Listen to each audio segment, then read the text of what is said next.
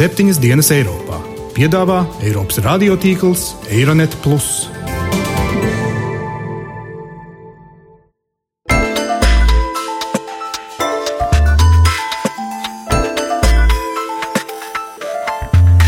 Šonadēļ septiņas dienas Eiropā dzirdēsim. Mums ir ļoti ātrs internets, ar ko mēs varam lepoties. Internets tas faktiski ir visur. Ja jums nav interneta, tad jūs esat handikapēts. Digital single market is a nice phrase. Kas tad īsti notiek ar cilvēku datiem?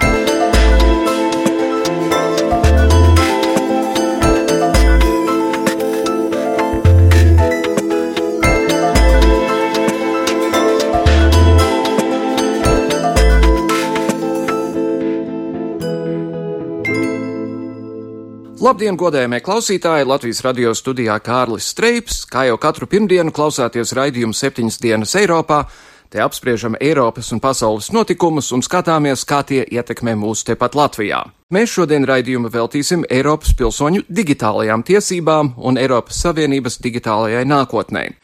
Vai mums ir vajadzīga jauna digitāla stratēģija, kāda tā varētu izskatīties, kas no tās mainīsies un kam tā vispār ir vajadzīga?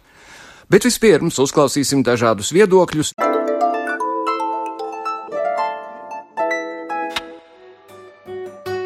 Aizvadītajā nedēļā apstiprinājās iepriekš paustās aizdomas, ka Grieķijas kreiso ekstrēmistu partijas Sirīza valdība var satricināt Eiropas trauslo solidaritāti Krievijas sankciju jautājumā.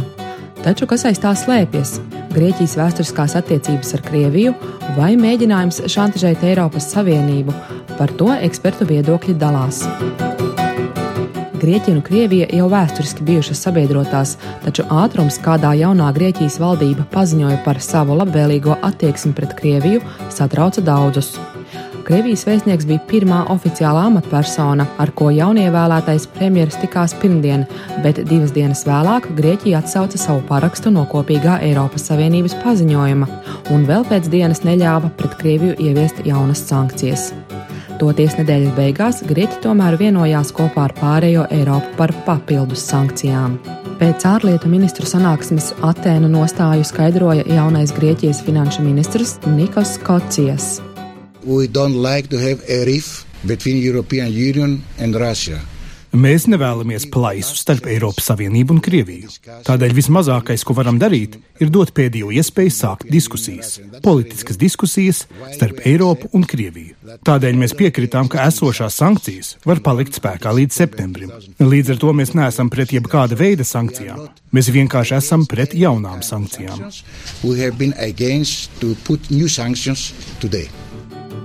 Laikraksta Wall Street Journal uzrunātie analītiķi pieļauj, ka atteikšanās pastiprināt pret Krieviju vērstās sankcijas varētu būt arī taktisks mēģinājums šantažēt Eiropas Savienību, lai tā atvieglotu nosacījumus aizdevumiem. Kā laikrakstam norāda Royal United Service Institute direktors Jonatans Sejals, maz ticams, ka Grieķija spēs izpildīt pirms vēlēšanām dotos solījumus. Tādēļ vienīgā taktika, kas tajā atliek, ir būt sliktajai, un Krievija šim mērķim nodara lieliski. Ejals prognozēja, ka Grieķijas gatavība bloķēt sankcijas būs atkarīga no tā, vai un cik Eiropa nāks pretim un samazinās Grieķijas parāda saistības. Pagaidām visi Savienības līderi ir kategoriski noraidījuši iespēju atlaist valsts parādus. Eiropas nostāju skaidro Vācijas vicekanclers un ekonomikas ministrs Zigmārs Gabriels. Un muss jeder Demokrat Protams, protams, katram demokrātam ir jāpieņem Grieķijas pilsoņu demokrātiskie lēmumi, tāpat kā viņam ir jāpieņem jaunās Grieķijas tiesības noteikt jaunu kursu. Taču pārējiem Eiropas iedzīvotājiem nevajadzētu ciest no Grieķijas radītās nastas. Par to šeit ir runa. Nicht zu ihren Lasten vorgenommen werden. Darum geht es.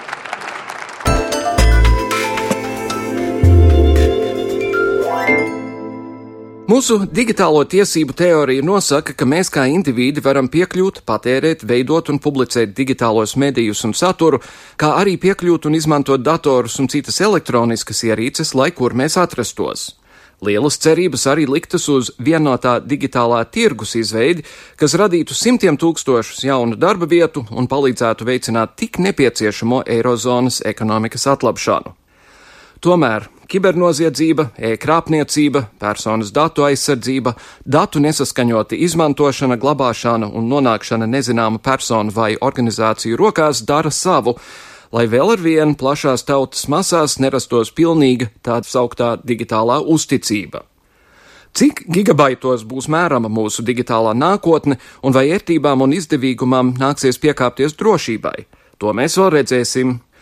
Vairāk par Eiropas vienotā digitālā tirgus izaicinājumiem manas kolēģis Gitas Siliņas sižetā.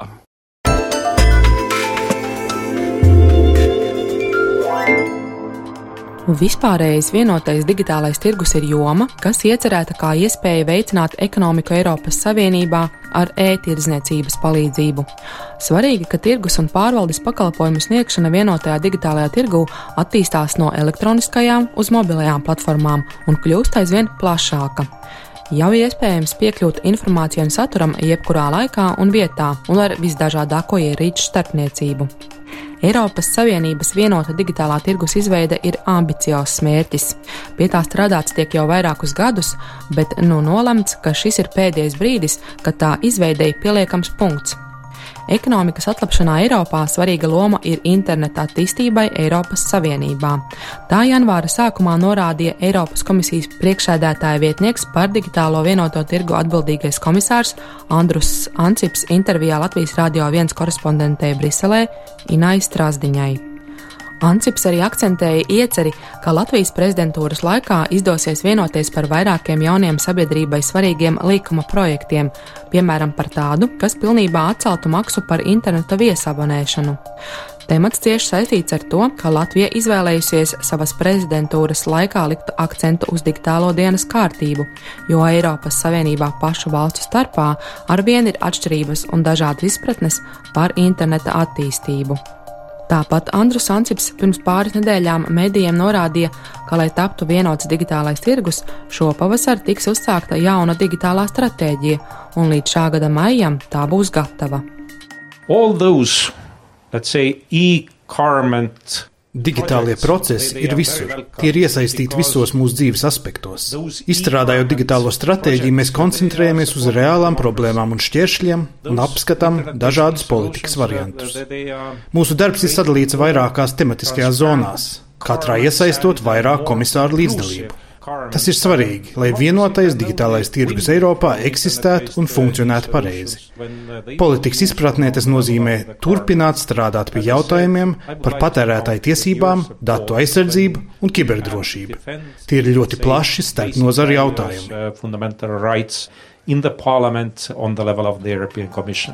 To, ka būt digitāliem un vienotiem ir galvenais virziens, lai Eiropas Savienībā būtu izaugsme, savā runā Briselē pagājušo nedēļu atzina arī Lielbritānijas uzņēmējdarbības ministrs Vins Keibls, un vienlaikus akcentēja, ka ir nepieciešams pierādīt, kā šis iekšējais tirgus darbojas ikdienas dzīvē.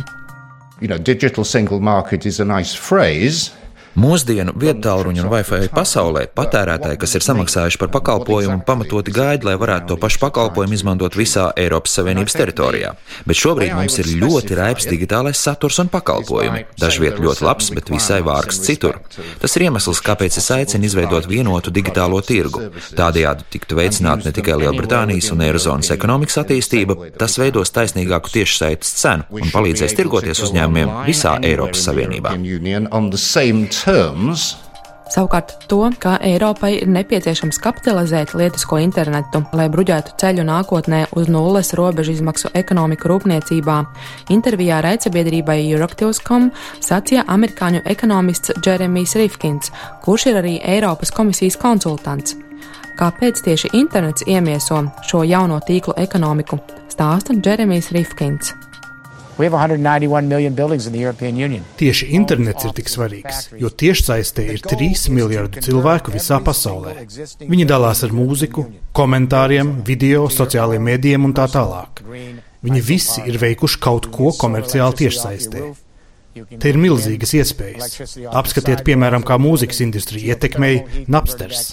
Tas pats notiek ar apraides televīziju, laikrakstiem, grāmatniecību. Apskatiet, kā attīstās dalīšanās ar auto fenomens, kā arī GPS iespējams radīs apvērsumu sabiedriskā transporta sistēmās. Rifkinam pieder arī secinājums par to, ka mūsdienu izaicinājumi cilvēcei diktē nepieciešamību sākt domāt globāli, bet darboties lokāli. Par to, ko mēs Latvijā varam pārējai Eiropai iemācīt no saviem digitālajiem sasniegumiem, stāstīja Latvijas Atvērto tehnoloģiju asociācijas valdes priekšādātājs Jānis Trejs Latvijas Rādio 1 raidījumā Krustpunkti. Viņš sacīja, ka mums informācijas un komunikācijas tehnoloģijas nozarē ir sasniegumi, ar kuriem mēs varam palepoties ir mums informācijas un komunikācija tehnoloģija nozarē sasniegumi, ar, ar kuriem mēs varam palepoties. Jā? Tātad tie e-pakalpojumi, kas pašlaik mums ir pieejami. Varbūt ne ļoti liela iedzīvotāja daļa viņus lietot dažādu iemeslu dēļ, bet viņi ir pieejami. Es pats esmu vairāk kārt lietojis un tādējādi ietaupot savu laiku, un es ceru arī attiecīgo valsts iestāžu laiku. Digitālā prioritāte ir Eiropas komisijas fokusā jau kādu laiku, taču joprojām svarīgie jautājumi ir digitalizācija un drošība, personu datu aizsardzība, cīņa ar kibernoziedzniekiem. Arī joprojām vāja izpratne atsevišķās sabiedrības daļās ir par to, kā internets un e-vide var līdzdarboties ikdienas dzīves uzlabošanā mūsdienu apstākļos. Šie ir tikai daži no iemesliem, kāpēc, piemēram, atsevišķas paudzes iedzīvotāju vidū aizvien ir zināma skepse attiecībā uz interneta pakalpojumu lietošanu ikdienā. Pēdējos gados digitālās tiesības jau tiek teju vai pielīdzinātas cilvēku pamattiesībām, Pat Eiropas komisijas prezidents Junkers šīs komisijas politiskās vadlīnijās uzsvēris, ka veicinot digitālo vienoto tirgu, mēs varam radīt līdz pat 250 miljārdus eiro papildu izaugsmi, simtiem tūkstošu jaunu darba vietu un dinamisku uz zināšanām balstītu sabiedrību. Arī Latvijas prezidentūra kā vienu no savām pamatprioritātēm izvirzījusi informācijas sabiedrības stiprināšanu un tās piedāvāto iespēju izmantošanu Eiropas Savienības nākotnes attīstībai.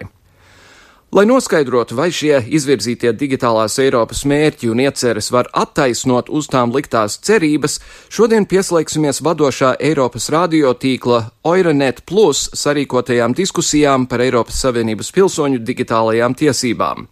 Sadarbībā ar raidījumu septiņas dienas Eiropā Latvijas radio korespondents Artjoms Konohovs no Briseles. Labdien, cienījamie radioklausītāji! Mēs runāsim par digitālo pasauli, par internetu un arī tādu jēdzienu kā tiešsaistes tiesības.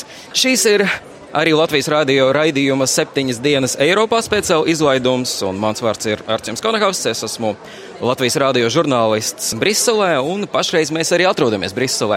Un šobrīd man šeit studijā ir pievienojušies trīs viesi. Divi Eiropas parlamenta deputāti no Latvijas. Vispirms Krišjāns Kariņš no Vienotības un Eiropas Tautas partija grupas šeit parlamentā. Labdien! Labdien! Roberts Zīle no Nacionālās apvienības, kur šeit parlamentā strādā Eiropas konservatīvo un reformistu grupā. Labdien! labdien. labdien. Un arī Zanta Kalniņa Lukaševica, viņa ir ārlietu ministrijas parlamentārā sekretāra. Labdien! labdien. Mūsdienās internets ir kļuvis par vienu neatņemamu dzīves sastāvdaļu. Tas faktiski ir visur. Mēs to izmantojam gan, lai lasītu ziņas, gan, lai klausītos radio, gan arī, lai sazinātos sociālajos tīklos, iepirkties, paust savu viedokli un arī vēl daudz kam citam. Tādēļ, domāju, daudzas nepārsteigts, ka it sevišķi gados jauni cilvēki internetu uzskata par daļu no cilvēktiesībām. Un mans pirmais jautājums visiem trim klātesošiem, vai jūs tam piekrītat, vai jūsuprāt, internets ir arī daļa no cilvēktiesībām? Tam sāksim ar jums, Zilas kungs. Es domāju, ka tās ir cilvēktiesības tādā izpratnē, kā Eiropā to saprot. Kāpēc? Tāpēc, ka ja mēs saprotam arī, ka ir tiesības uz pastu pakalpojumiem, universālais pakalpojums, ka jebkuram ir jābūt attiecīgo laiku nedēļā sasniegt pastu vai tikt pie ārsta vai kam, tam līdzīgi, tad ir jābūt ceļam. Jebkurā gadījumā šīs ir pamat cilvēku tiesības un internets. Ja jums nav interneta, pieejamības, tad jūs esat, kā lai pasakā, jūs esat handikapēts. Man padodiet par žargonu, bet uh, jūs nevarat izmantot tās modernās lietas un iespējas, kas šajā pasaulē ir iespējams tikai ar internetu palīdzību. Nu, faktiski jūs esat ierobežots savā iespējā. Jā. Kā jums liekas, Kariņkungs? Nenoliedzami, kā pasaule tehnoloģiski pēdējos 15, pat 10 gados ir mainījusies, internets ir pilnīgi pamatsastāvs tagad ekonomikas attīstībai faktiski viņš ir pilnīgi nepieciešams. Tātad saukt viņu par cilvēktiesībai, par pamattiesībai, par nepieciešamību. Jebkurā gadījumā internets ir daļa no tās dzīves.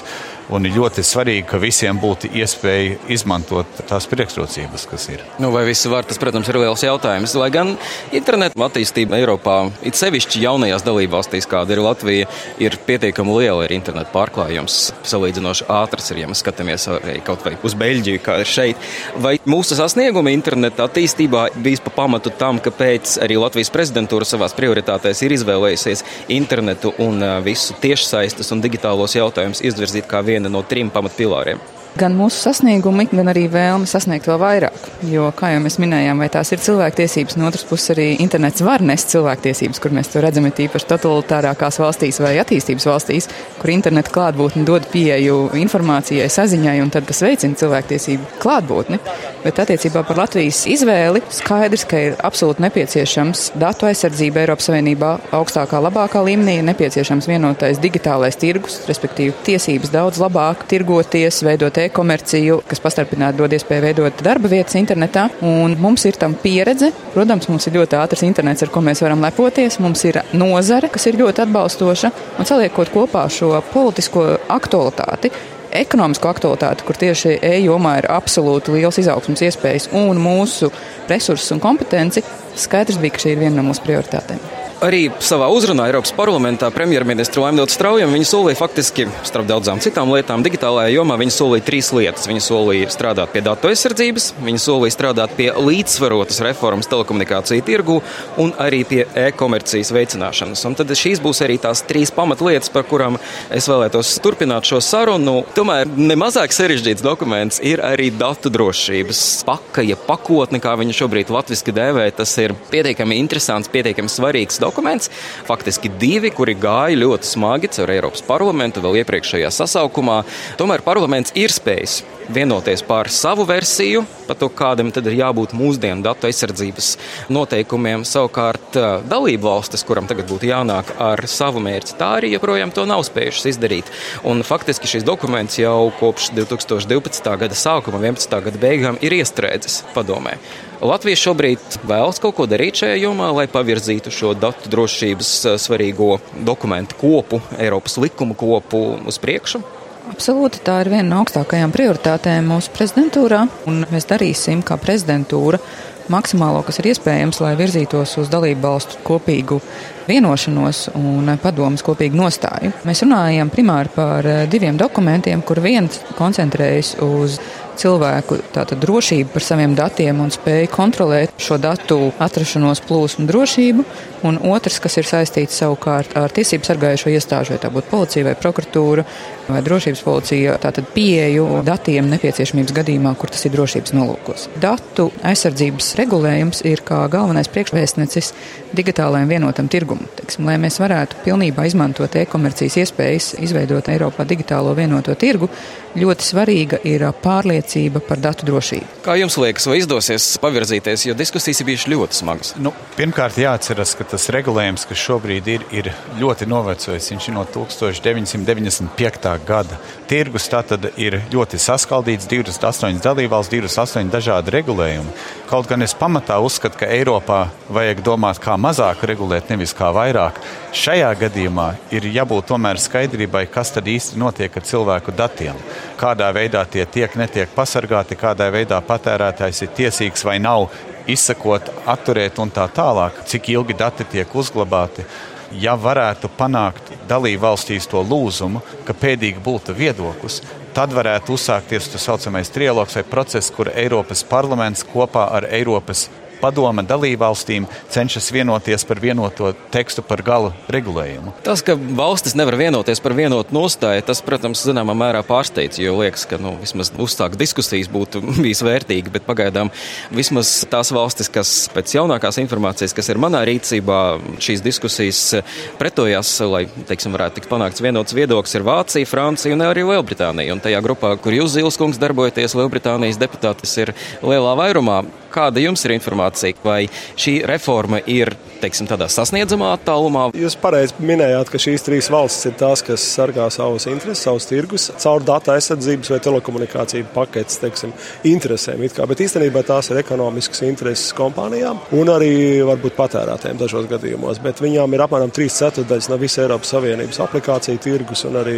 e-komercijas kā tādas. Un, līdz ar to viņas ir ļoti ietekmīgas tajā lēmumā. Kā tas beigsies, es nezinu. Lielbritānija pelna ar viesabonēšanu ļoti daudz Lielbritānijas kompānijas. Te pašā Vācijā ir cita interese, tā ir liela arī telekomunikācija un, un e-biznesa vieta. Jā.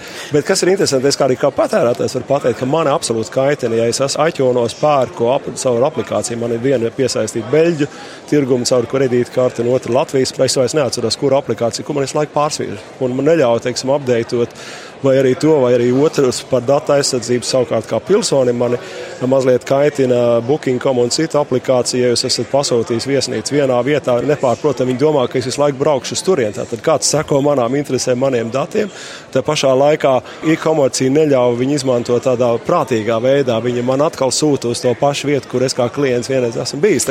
Es domāju, tas rada šo sadrumstalotības efektu 28 valstīs un daudz citas.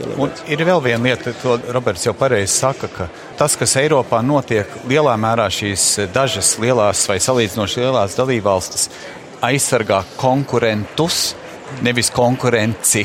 Ir nepieciešama šī brīvā konkurence pārvalstu robežām. Es gan gribētu sadalīt divās daļās šo tēmu.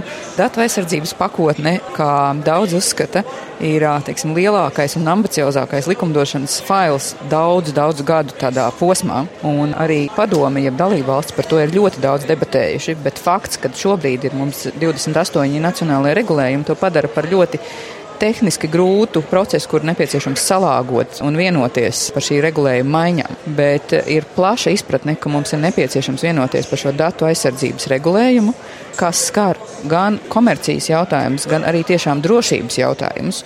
Un savukārt tad mēs nonākam pie šī vienotā digitālā tirgus, kas dos iespēju tātad tirzniecībai, kas dos iespēju video aplikācijas lietot vienalga, kurā Eiropas Savienības valstī tu būtu. Šeit mēs gaidām Eiropas komisijas priekšlikumu. Mēs vēlamies vienošanos par vienoto digitālo tirgu. Eiropas komisija maijā ir solījusi nākt klajā ar šo te priekšlikumu. Galvenā diskusija šobrīd ir par vienotu regulējumu, panākt vienošanās par vienotu pieeju regulējumu kritērijiem. Un tad jau tālākais ir piemērošanas jautājums. Šobrīd nav absolūti aktuāli jautājumi par to, vai mazas vai liela valsts kaut ko spētu pēc tam šos kritērijus vai regulējumu īstenot.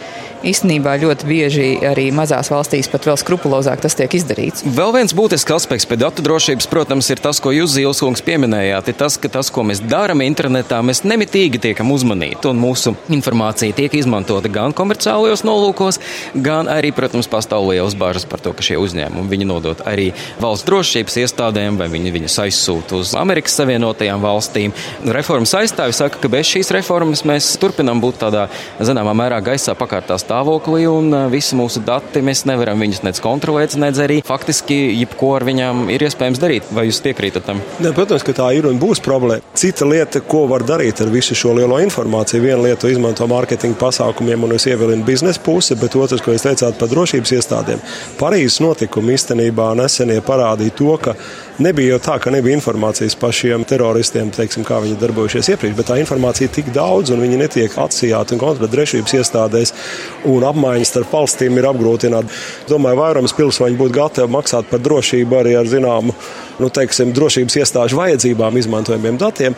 Tad te nav risinājumu arī šī brīdī, jo parāda tas, ka, ja ir ļoti daudz informācijas, tā informācija nav apstrādājama. Pāriesim pie e-komercijas. Jūs, Kariņkungs, savā uzrunā Eiropas parlamentā sacījāt, ka ir nepieciešams noardīt šķēršļus digitālajā tirgu. Un, kādi tad tie šķēršļi ir?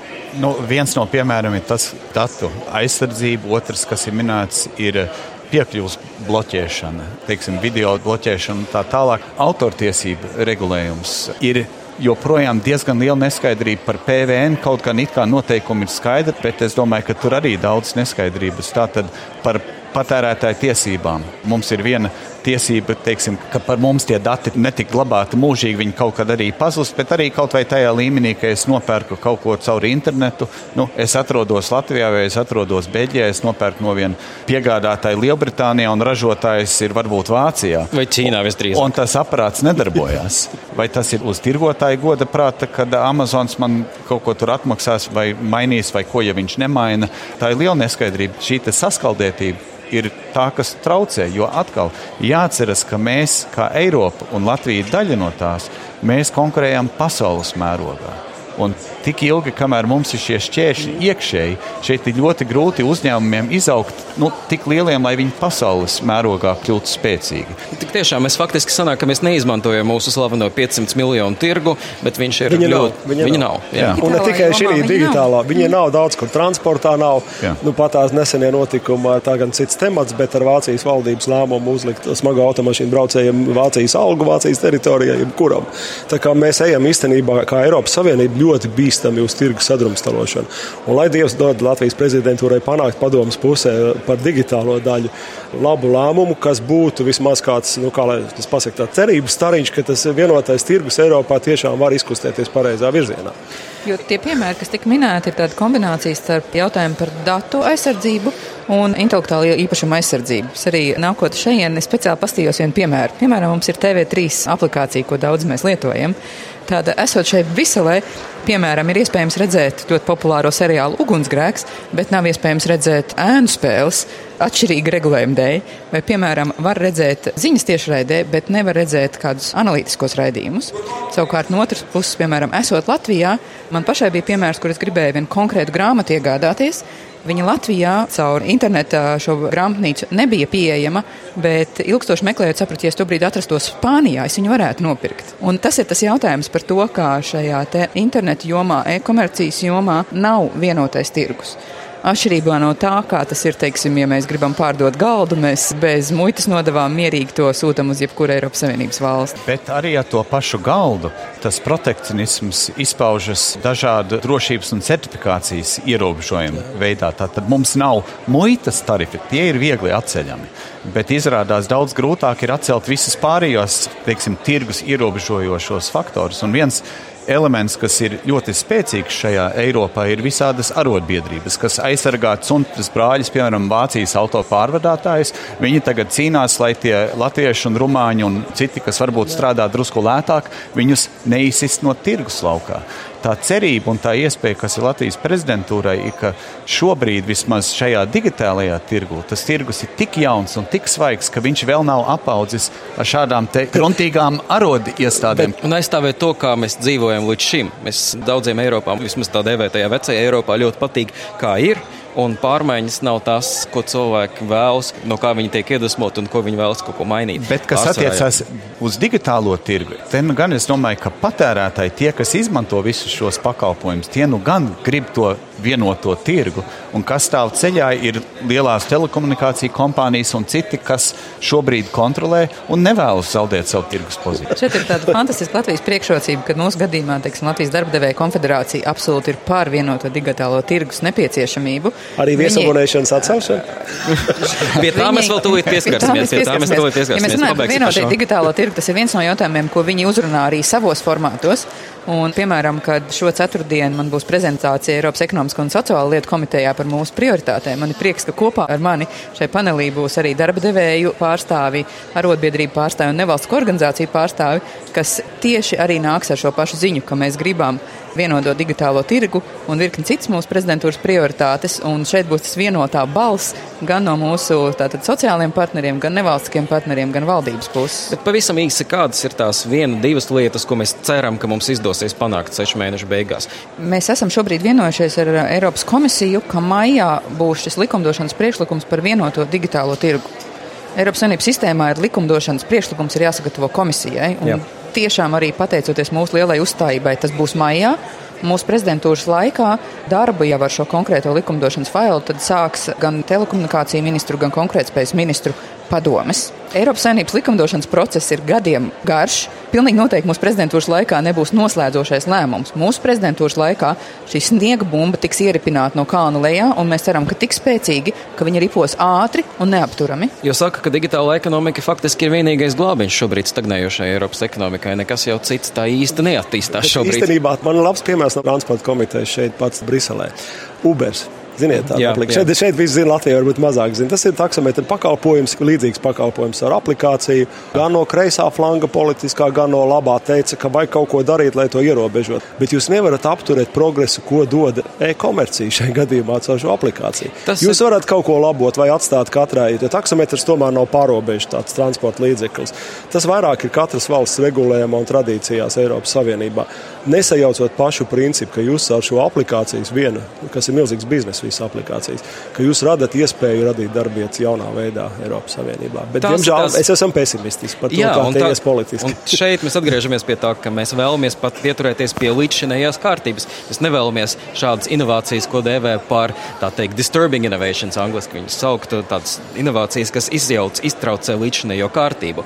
Un šeit, man prātā, nāk arī pārējot pie noslēdzošās mūsu diskusijas daļas par telekomunikāciju reformu. Man prātā nāk bijušās digitālo jautājumu komisārs Nelija Krusas teiktais. Viņa teica, nekad nenovērtējiet inerces spēku par zemu. Nekad nenovērtējiet eh, gan lielo telekomunikāciju uzņēmumu spēku, pretoties reformām, gan arī sistēmas spēju pretoties pārmaiņām, kas viņiem liekas apdraud viņu pašreizējo status quo. Bet mans jautājums ir par viesabunēšanu. Mēs runājam, viesabunēšanas atcelšanu mēs runājam jau tiešām arī gadiem. Un tam ir ārkārtīgi liela pretestība. Šobrīd Latvija nāk ar kaut kādu tādu piedāvājumu, ko daži dēvē mēdījos jau par tādu fake roaming, jā, tādu viltu abonēšanu. Kāpēc mēs nākam ar kaut kādu šādu priekšlikumu? Ko, ko tas īsti šobrīd paredz? Pirmkārt, par viesabonēšanu šis ir brīdis, kad uzslavēt Eiropas Savienību, jo arī pateicoties šiem līdzinējiem regulējumiem, ir neiedomājumi pēdējos gados samazinājušās maksas gan par viesabonēšanu, gan jau par interneta izmantošanu ārzemēs esot. Tas ir viens ļoti taustāms piemērs Eiropas Savienības dotajiem mūsu iedzīvotājiem. Atgriežoties pie faila, arī ļoti grūts, komplekss fails, jo ir 28 valsts dažādi regulējumi un, protams, lielās kompānijas. Latvijas uzdevums ir virzīties uz priekšu, lai panāktu kādus kompromisus, lai arī šī te telekomunikācija pakotne izietu no iestrēgšanas inerces uz virzības inerci, šo pozitīvo inerci. Jo kādreiz var būt arī pozitīva inerce. Ja kāds jautājums sāk virzīties, tad viņam ir šī pozitīvā inerce doties Mēs no, uz vienošanos. Viesabunēšanas atcelšanu 15. gada beigās. Miljons dolāru jautājums. Miljons dolāru jautājums. Šobrīd figurē dažādi datumi, kā piemēram 16. gada 1. jūlijas ir bijuši figurējuši arī datumi par 14. gada 3. aprīli un tam līdzīgi. Es nesaukšu datumu. Galvenais mērķis ir rast kompromisus, lai varētu tikt pieņemti lēmumi, lai padome virzītos uz tātad jau kādu lielāku vienprātību un lēmumu pieņemšanu. Parlamenta viedoklis jau ir diezgan skaidrs. Parlaments uzskata, ka ir nobalsots, ka vispār šo viesabonēšanu, ka vajadzētu varētu ceļot pa visu Eiropu ar savu mājas abonementu un izmantot jebkurā valstī par to pašu naudu. Tas ir skaidrs, saprotams viedoklis. No dalībvalsts viedokļa var jau arī saprast, ja tiešām tā būtu, tad Latvijas telekomunikāciju firmām iespējams būtu milzu peļņu, jo saprast, ka mums ir zemākie tarifi visā Eiropā, no Vācijas, no Spānijas, no Zviedrijas ierastos Rīgā vai pa internetu iegādātos, kā saka, Latvijas numuru, Latvijas tarifu plānu, ceļot citur un, kā saka, kas pa balli beigās maksās.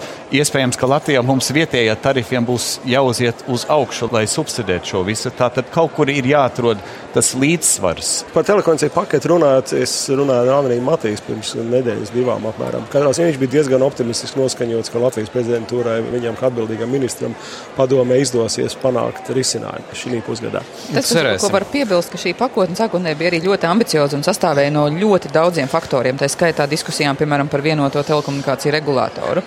Un šī gadījumā, kas izskatās, ja nevar apēst visu to kūku uzreiz, tad ir vērts to darīt pa gabaliem. Un Latvijas mērķis ir panākt vienošanos vismaz par tām lietām, kur var, iespējams, kas ir par šo te viesabonēšanu, tātad par tīklu neutralitāti, vienoties par lietām, ko var, lai šis jautājums virzītos uz priekšu. Nu, ko cerēsim, cerēsim, šis jautājums tik tiešām vēl būs aktuāls. Visi trīs pieminētie jautājumi un arī daudz apakšjautājumu, kas šajā diskusijā, kuriem mēs pieskāramies, viņi visi būs aktuāli, lai Eiropas ekonomika turpinātu attīstīties, lai lai mēs varētu vieglāk un lētāk lietot mobilo telefonu pakalpojumus, interneta pakalpojumus. Arī internets un mobīlie telefoni šobrīd jau faktiski ir viens vesels. Paldies, ka bijāt klāt! Atgādināšu, ka šeit studijā Eiropas parlamentā Briselē divi Eiropas parlamenta deputāti, Roberts Zīle un Krišjāns Kariņš, un ārlietu ministrijas parlamentārā sekretāra Zanda Kalniņa Lukaševica. Paldies par uzmanību!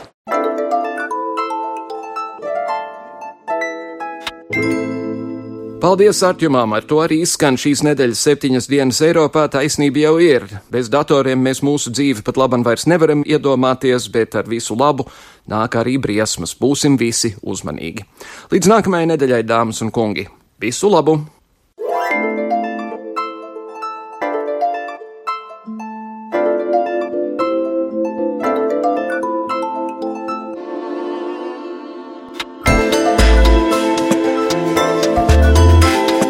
Raidījumu veido Kārlis Streips, Gita Siliņa un Jānis Krops. Producents Lukas Rozītis.